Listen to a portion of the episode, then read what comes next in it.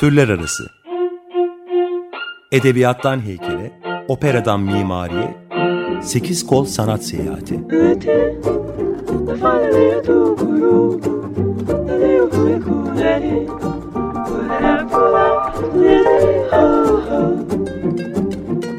Hazırlayan ve sunan Eraslan Sağlam.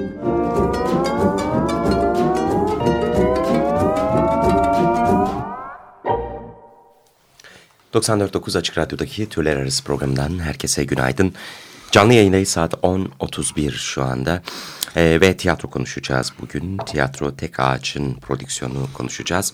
Tiyatro Tek Ağaç'tan Murat Akdağ ve e, şu anki projenin sosyolojik danışmanı Galatasaray Üniversitesi'nde hoca Buket Türkmen konuklarımız hoş geldiniz. Hoş bulduk. Hayırlı olsun oyununuz. Ee, bu yıl e, premier yaptı. Evet. Tiyatroda bildiğim kadarıyla bu yıl mı kuruldu? Bu yıl kuruldu. kuruldu. E, 24 Ocak'ta premier yaptık. E, şu ana kadar 10 oyun oynadık. 3 e, oyun daha oynayıp sezonu bitireceğiz.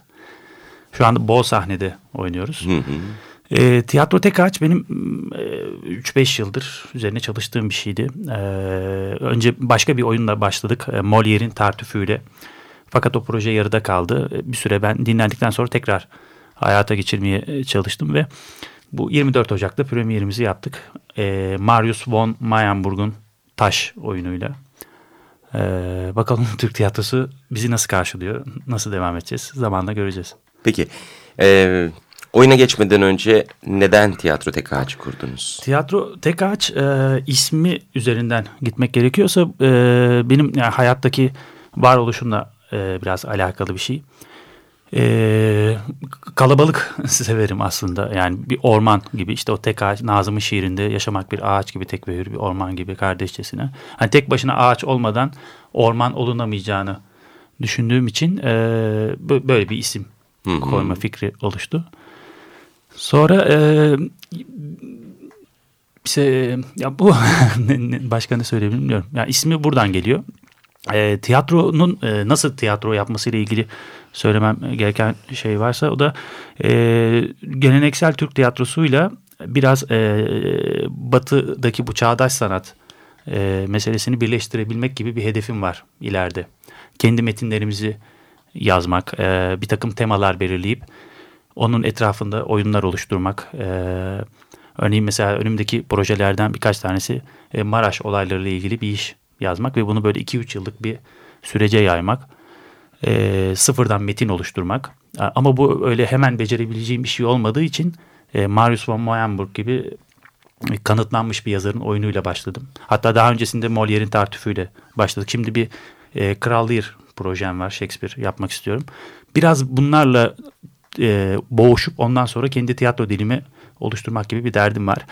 Aslında tabii yani 1950'lerde Grotowski'nin yaptığı sonra Türkiye'de Beklan Algan, Aylan Algan'ın yapmaya çalıştığı şehir tiyatrolarında tal e, ve bir süre çok çok da iyi yaptı ve sonra sekteye uğratıldığı biçim. E, onun devamlılığı gibi bir şey olacak yani. Umarım. Peki e, neden taşı seçtiniz bu arada? Her ikinize birden soruyorum. Seçen ben değilim. Çoktan seçilmişti. Ee, o şekilde girdim projeye. Bir gün Murat, e, biz Murat'la aslında şeyden tanışıyoruz. Abbasa Forum'dan tanışıyoruz. Aslında bu bir gezi arkadaşlığı. Aslında galiba değil mi? Bütün ekip evet, evet. bir şekilde geziye bulaşmış e, ekipten Ekip söz ediyoruz. E, Murat da orada küçük forumun e, moderatörüydü. Bir gün bana bu taş oyununu gönderdi. Ne düşünüyorsun? Hani sos ben dedim hani ben tiyatrocu değilim tiyatrodan anlayan birine gönder. Hayır dedi yani sosyolog olarak ne düşünüyorsun? Okuyup e, ona geri bildirim yapınca bizim provalara gelir misin dedi. E, biz çoktan provalara başladık e, ve hakikaten hani söylediklerin önemli. Bir tür hani orada küçük bir atölye çalışması gibi bir şey yaptık. Yani benim taş okumam neydi oradaki kadın yani oradaki meseleleri anlattım. Daha sosyolojik bir bakış tabii. Hakikaten tiyatrodan anladığımı kesinlikle iddia edemeyeceğim. Estağfurullah. Çok dışından hani ben sadece seyirciyim. Üstelik de iyi bir seyirci de değildim. Bu ekiple tanışana kadar. Daha sonra tiyatronun hakikaten sosyolojik sosyolojiye nasıl bir açılım getirebileceğini görünce şey yapabildim. Birazcık olsun kendimi içinde bulabildim Murat sayesinde ve diğer oyuncular sayesinde de. O şekilde girdim projeye. Peki. Gayet güzel.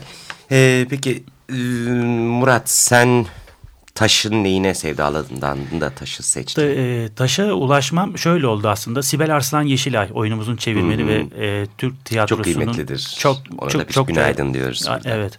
E, çok değerli bir insan. Onun sayesinde biz Çağdaş Alman tiyatrosundan haberdar oluyoruz.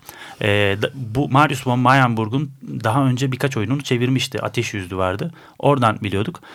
Ee, ben önce Sibel Arslan Yeşilay dolayısıyla Marius von Mayenburg'u bildim. Sonra e, tekstin Türkiye'ye çevrildiğini öğrendim. Gidip Türkçe'ye çevrildiğini öğrendim. Devlet tiyatroları repertuarındaydı. Orada düşünülmüş, sonra yapılmamış, vazgeçilmiş. Gidip repertuardan aldım, okudum. Tam benim e, üzerinde e, çalışmayı planladığım konular. Çünkü tarihle alakalı e, işler yapmak istiyorum.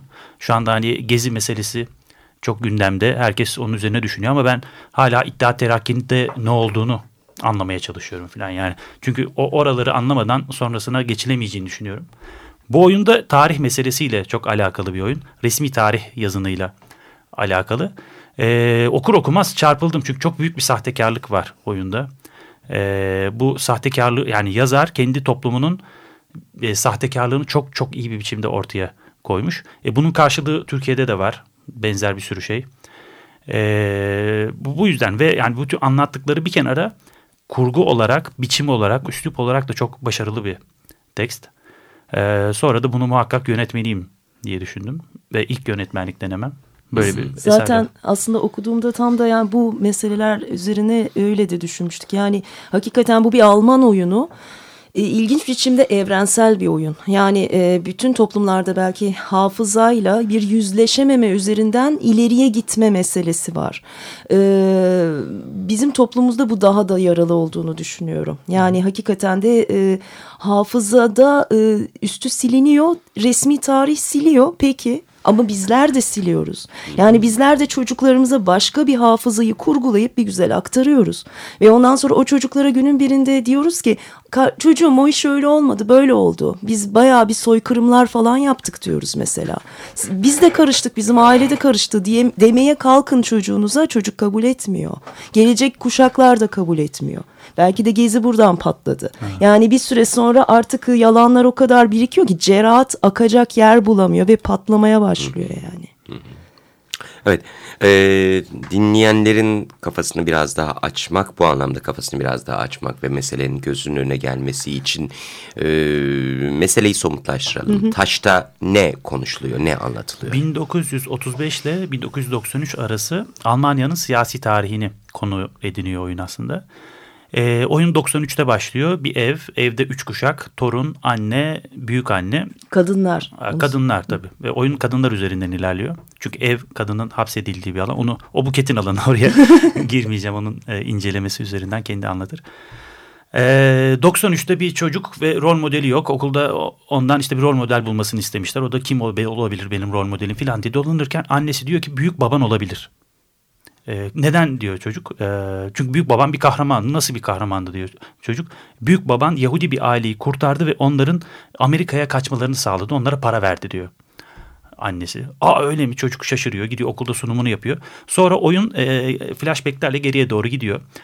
E, bütün oyunu izlediğinizde görüyorsunuz ki hikaye çocuğa anlatıldığı gibi değil. 1935 yılında Yahudi ailenin evini elinden alıp onların Nazi kampına gitmelerini sağlamışlar aradan e, geçen yıllar sonucunda bu hikayede biz Yahudileri kurtardık diye anlatıyorlar. Yani düşünün Enver e, şey Talat Paşa tehciri yapıyor Ermeni tehcirini. Bugün Talat Paşa'nın torununa aile üyeleri senin e, büyük baban Ermenileri kurtardı diye anlatılıyor. Çocuk da buna inanıyor. Fakat oyunun sonunda e, büyük anne yani e, Nazi kampına gönderen çiftten kadın olanı e, torununa açıklıyor en sonunda. Hayır biz onları Nazi kampı şey Amerika'ya göndermedik. Nazi kampına gittiler. Bu sefer çocuk kabul etmiyor. Böyle bir şey olamaz. Siz bana böyle anlatmadınız diyor. Yani çocuk krize giriyor yani. Krize giriyor. Büyük bir travma yaşıyor. E, bütün bu anlattıkları arada bir sürü şey var tabii. E, 45'te e, evi alan adam intihar ediyor Hitler Savaşı kaybedince. 5 ayrı tarihte geçiyor oyun. 35, 45, 53, 78, 93. 45'te ee, adam intihar ediyor. 53'te evi terk etmek zorunda kalıyorlar. Çünkü Doğu Almanlar evi alıyor ve sığınmacılar yerleşiyor. 78'de eve dışarıdan gelip bakıyorlar. Eve giremiyorlar. Çok üzgünler. Sonra 93'te e, Berlin duvarı yıkıldığında 89'da yıkılıyor. Tekrar yeni Almanya kuruluyor. 93'te evi tekrar geriye alıyorlar. E, ve ala, ala evi geriye alan orta kuşak. E, torun ve büyük annenin ortasındaki Haydun e, karakteri. Yeni Almanya'yı da kurunca buna bir tarih yazmak lazım. E tarihi de istedikleri gibi yazıyorlar. Bu bir ezber oluşturuyor ve yazarımız bu ezberi bozmaya çalışıyor. Zaten genç bir yazar. Evet. Yani. 40 42 yaşında galiba. Evet. Hı hı. Yani bu işlerle meselesi olduğu belli Tabii. yazarın. Peki Buket Hanım siz nasıl okuyorsunuz taş oyununu bir ben sosyolojik ilk, bakış açısıyla? Açıkçası ilk okuduğumda önce yani iki şey beni çok çarptı. Birincisi hafıza meselesiydi tabii zaten oyunun bütün derdi o ama oyunun bir de ikinci bir derdi var o da kadın meselesi. Yani e, biz feminist e, okumada şöyle yaparız hep tarih okumasında e, dünyaya kadınlar ele geçirse tarih başka türlü yazılacak veya kadının bir tarihi yok. Kadının bir dili olmadığı için kadının tarihi de yok. Dolayısıyla biz yeniden e, kadınlar olarak tarihi yeniden yazmaya çalışıyoruz. Bütün iddiamız bu. Ama Meyerburg'un bize gösterdiği şey şu. Çok da e, çarpıcı bir şey bu. Ev içerisinde geçiyor Murat'ın da dediği gibi. Ev çünkü kadının alanı. Fakat ev içerisine bütün faşizm, erkeğin kurduğu bütün o şiddet tarihi, bütün o savaş ev içerisine olduğu gibi taşınıyor. Kadınlar arasında da aynı şiddeti kadın diliyle bu sefer görüyoruz. Kadın diline tercümesini görüyoruz. Bu sefer toprak sahipliği değil porselenlerin sahipliği üzerinden bir kadın iktidarı kuruluyor. Veya e, mesela Yahudi kadın tabii ki bu oyunun mazlumu, mağdunu gibi okuyabiliriz.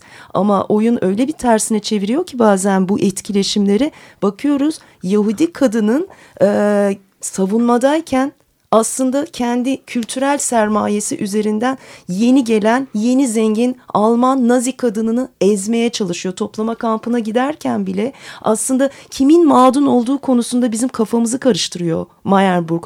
Orada mağduniyetin kaç katmanlı olduğunu oturup sorgulamamız gerekiyor. Tabii ki Nazi kampına gönderilen bir Yahudi kadını en kötü durumda olan diyebiliriz. Ama bir diğer taraftan oraya giderken bile sınıfsal hakimiyeti üzerinden yeni geleni ezmeye çalışmasını da sorgulatıyor bize Meyerburg. Yani hakikaten e, çok katmanlı bir mağduniyet sorgusu var. Bir de benim derdim burada hakikaten mağdunun bir dili olabilir mi? Bizim sosyal bilimci, bilimciler olarak bütün derdimiz budur zaten. Hani bu post, postkolonyal teoride de buna kafayı yorarız. Mağdunun dili olabilir mi? Buradaki mağdunların dilinin sanki olmamasını okuyorum ben oyunda. Yani hakikaten erkek dilini olduğu gibi yeniden ürettiklerini acı bir şekilde bununla yüzleştim. Ve bu hakikaten beni çok çarptı bir kadın olarak, bir kadın okuyucu olarak. Tam da bugünün e, tartışmasına ışık tutuyorsunuz başka bir yerden bakıldığında. Şu bitmek bilmeyen 28 Şubat ve 12 Eylül evet, tartışmasına evet. çok ciddi bir bence bakış açısı sunuluyor. Burada da oyunu izlemedim sizin anlattıklarınızdan. Muhakkak izlemenizi ve çok isterim e, ve konuşmayı e, sonrasında. Elbette ben de ben de çok arzu ediyorum. E, devam ediyoruz. 94.9 Açık Radyo'da Türler Arası programında canlı yayında saat 10.44 iken e, Buket Türkmen ve Murat Akdağ'la Akdağ'la birlikte Tiyatro Tek Taş oyununu konuşmaya devam ediyoruz. Peki böyle bir metinle karşılaştık. E, şu anlamda da bir olumlu bir alternatif teşkil ettiğinizi görüyorum tiyatro olarak. Evet dramaturg kullanılmasını ben hep önem, önemserim. Ee, bazı tiyatro ve tiyatrocuların görüşlerine karşılık. Çünkü bir kısımda bunu gereksiz bulurlar. Ben hı hı. son derece gerekli bulurum. Ama e, burada dramaturg kullandınız mı bilmiyorum ama bir sosyolojik danışman kullanıyor olmanız aslında tiyatroya dair yeni bir okuma da sunduğunuzu, evet. yeni bir bu laf da çok kullanılıyor artık her şeyi okuma diyoruz ama evet. yeni bir düşünce biçimi sunduğunuzu gösteriyor. Bu da benim için açıkçası çok kayda değer. Biraz bunu konuşalım. Yani e, bir sosyolojik danışman eşliğinde yapılan prova süreci nasıldı konuşalım. Bundan en çok e, oyuncular mutlu oluyor. Çünkü e, oyuncu senin de bildiğin gibi hatta benden daha iyi bildiğin gibi soru soran insandır. Ve e, yönetmen her soruya cevap verebilen insan olamayabiliyor. Çünkü e, başka şeyleri düşünmek gerekiyor. Fakat yanınızda e, Buket Türkmen gibi biri olunca soruların çoğunu ona yöneltiyorlar. Onun da zaten getirdiği bir okuma var. Ve oradan verdiği cevaplar üzerinden oyuncuların e, birçok aydınlanma yaşadığını gördüm ben. ben. Benim yaşadığım aydınlanmalara benzer. Bir kere bu işimizi çok kolaylaştırıyor. Sonra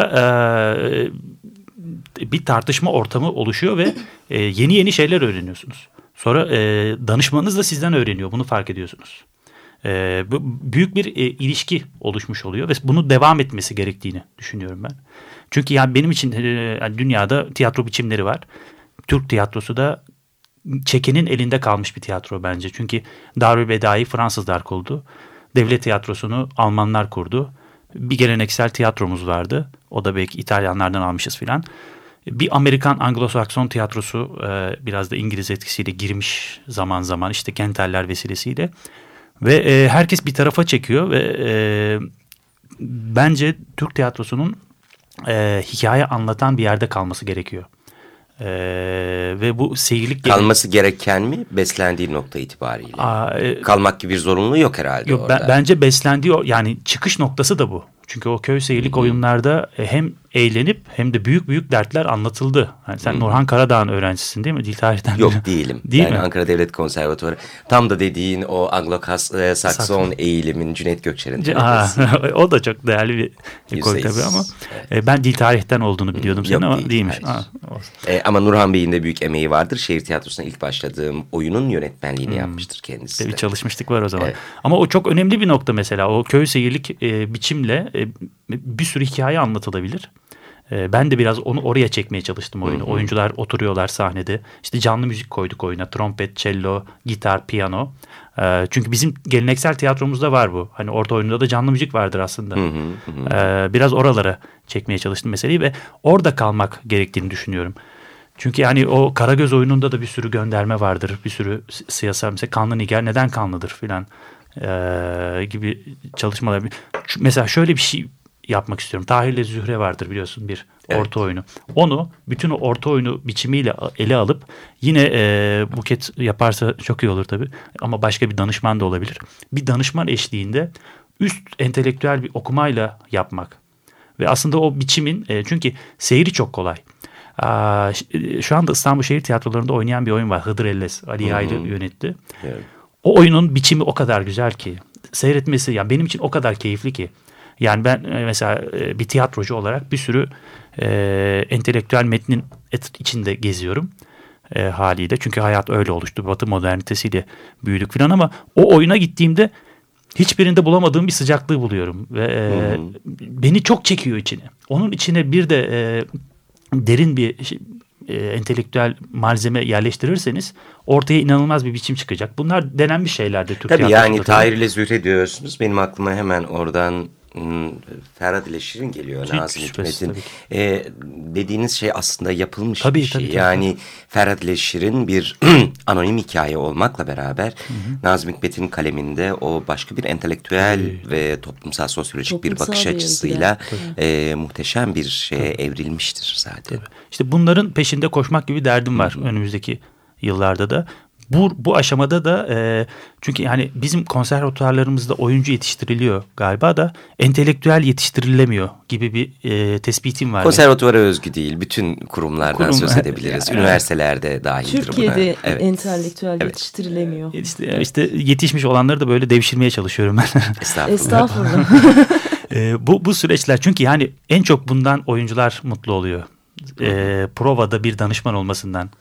Ee, ve... Bir de şey güzel oluyor yani mesela bir şeyleri tartışıyoruz falan ondan sonra bir sonraki provada veya hakikaten sahnede bunun e, yansımasını gördüğüm zaman e, şaşırıyorum çünkü hakikaten tiyatroya yabancıyım ve e, bu anlattığım şeylerin bana göre gayet soyut şeyler anlatıyorum. Bir yere gidiyor mu diyorum falan.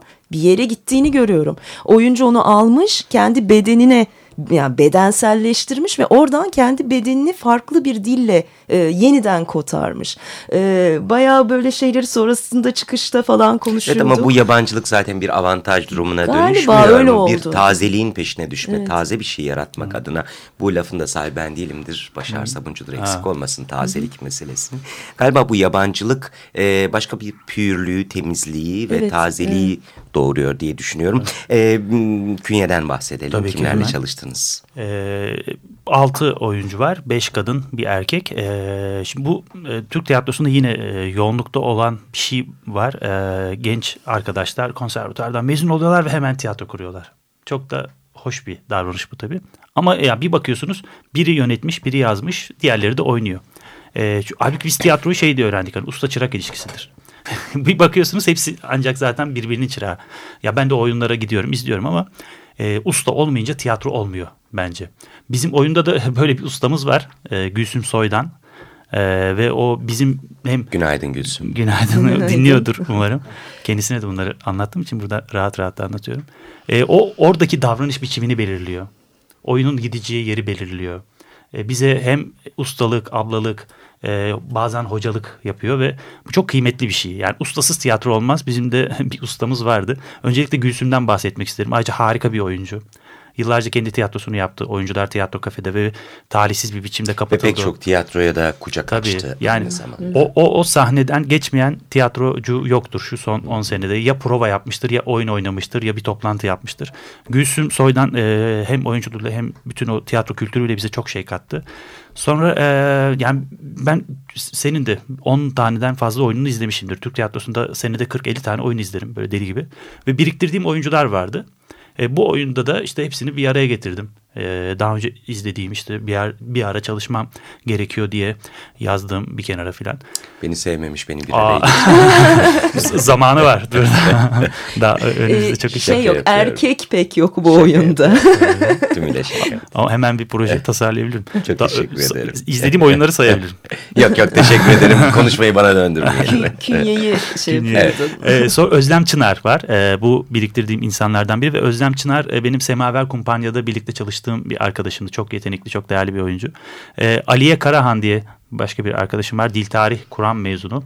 Ee, o işte işin entelektüel boyutuna da biraz vakıf e, oyunculardan biri. Hani diğerlerinden vakıf olmadığını söylemek haksızlık olur ama onun da biraz vakıf olduğunu söylememek haksızlık olur. Ee, Elif Sümbül Sert var Mimar Sinan mezunu. Çok değerli bir oyuncu. Birkaç yıldır tiyatro yapmıyordu. Tekrar bu oyunla döndü sahneye.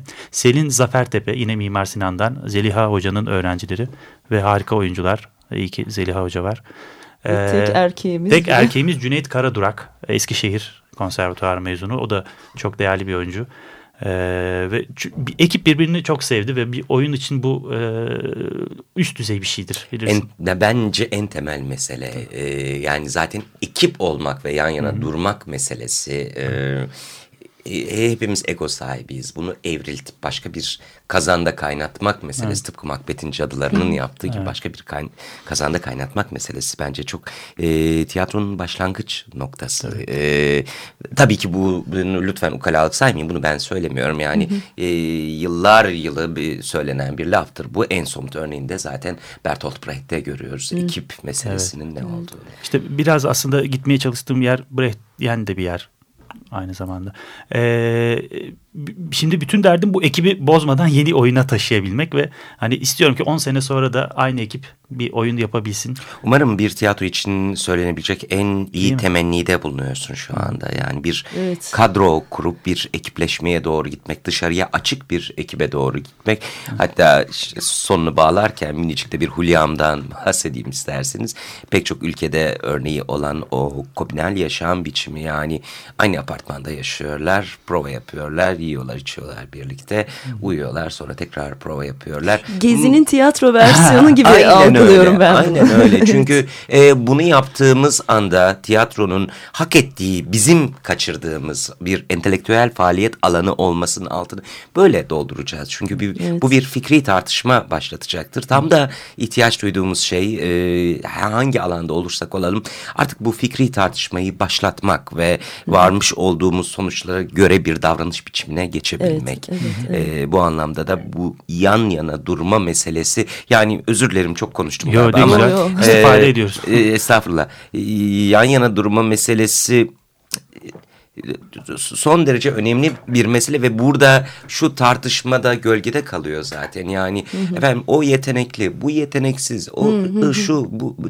değil ya. Hepsinin bir, birbirine vereceği bir şeyler var. Bir konuşma ve bir tartışma, Hı -hı. bir konuşmayı becermek. O konuşmadan elbet o rolü oynayacak. Daha yetenekli biri elbet vardır ve oynar. Yani bu Hı başat meselemiz değil artık. Bu birlikte hangi hikayeyi anlatacağız ve ne diyeceğiz. Evet. Ee, Bu açıkçası bana heyecan veriyor. Ben ilk e, Murat işte gel bizim e, şey, aramıza gir hani bizimle birlikte sen de provalara katıl dediğinde ben e, açıkçası benim bir ön yargım vardı tiyatrocularla ilgili bu ego meselesi. 3-5 e, kez e, tiyatrocularla şöyle bir uzaktan tanıştığımda korktum ben tiyatroculardan. İnanılmaz egoları olan insanlar. O da onu dedi biz iyi insanlar evet. sen bir gel bir aramıza gir. Ne, Dionysos'un çocuklarıyız biz dedim. İşimiz eğlence. Ve girdikten sonra da hakikaten gördüm orada bir arkadaşlık bir dayanışma var. O dayanışma benim için çok önemli. Evet. Hakikaten ben e, hani e, liberal, Sahne neoliberal da, toplumda bize kaybettirilen bir şey kasıtlı olarak kaybettirilen bir şey olduğunu düşünüyorum. Hepimizi birey yapmaya kalktılar. Ama birey dediğimiz şey bu kadar atomize bir şey değildir Değil. tarihine baktığımızda. Dayanışmayla birlikte birey bireydir. E, işte Gezi'de o komünde falan biz bunu çok güzel yaşadık. Yani hakikaten hem dayanışma hem de bireye saygı, bireyin kendi alanına saygı. Biz bunu öğren öğrenmişiz meğerse. E, bir kesim olarak. O yüzden Gezi çıktı. Gezi hiçbir evet, yerden çıkmadı e, aslında. Ama en iyi tiyatro örneklerine de bakalım. En kötü tiyatro örneklerine de bakalım. Hepsine değişmez olan şey bu dayanışmadır zaten. Evet ve benim Dayanışma arkadaş, olmadan bir oyun olamaz. Ve benim arkadaşlarım gelip gördüklerinde oyunu bu bu bir bu ekip dediler. Yani bu ekip olmuş. Yani bunlar çok belli ki birbirleriyle beraberler. Yani beraber bir şey yapmanın bilincindeler. O hissi veriyor aslında oyun.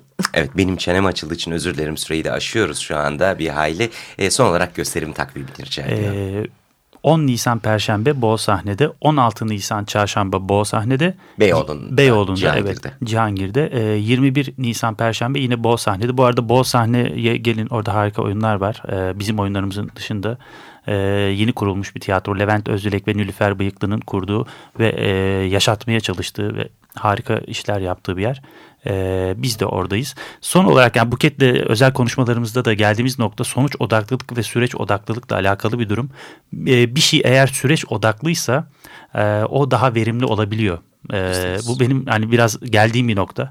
Ee, Buket'in de uyarılarıyla. E, oyunculukta da böyle. Tabii zaten. işte bütün o süreç yani provada zaten süreç odaklı bir şeydir ya. Süreç bir girersin. Eğer girersen zaten sonuçta bir şey olabilir süreci açık olmak lazım. Biz de süreci açık bir şeylerin peşindeyiz.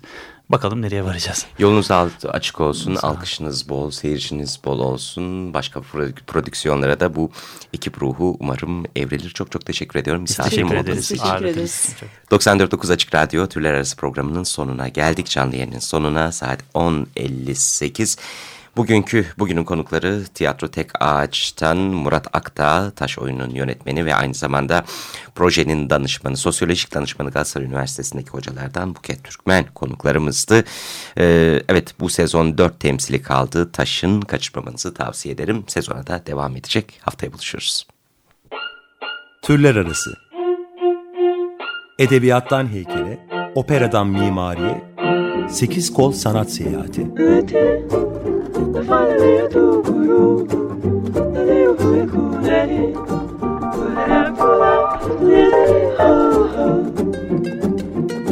Hazırlayan ve sunan Eraslan Sağlam.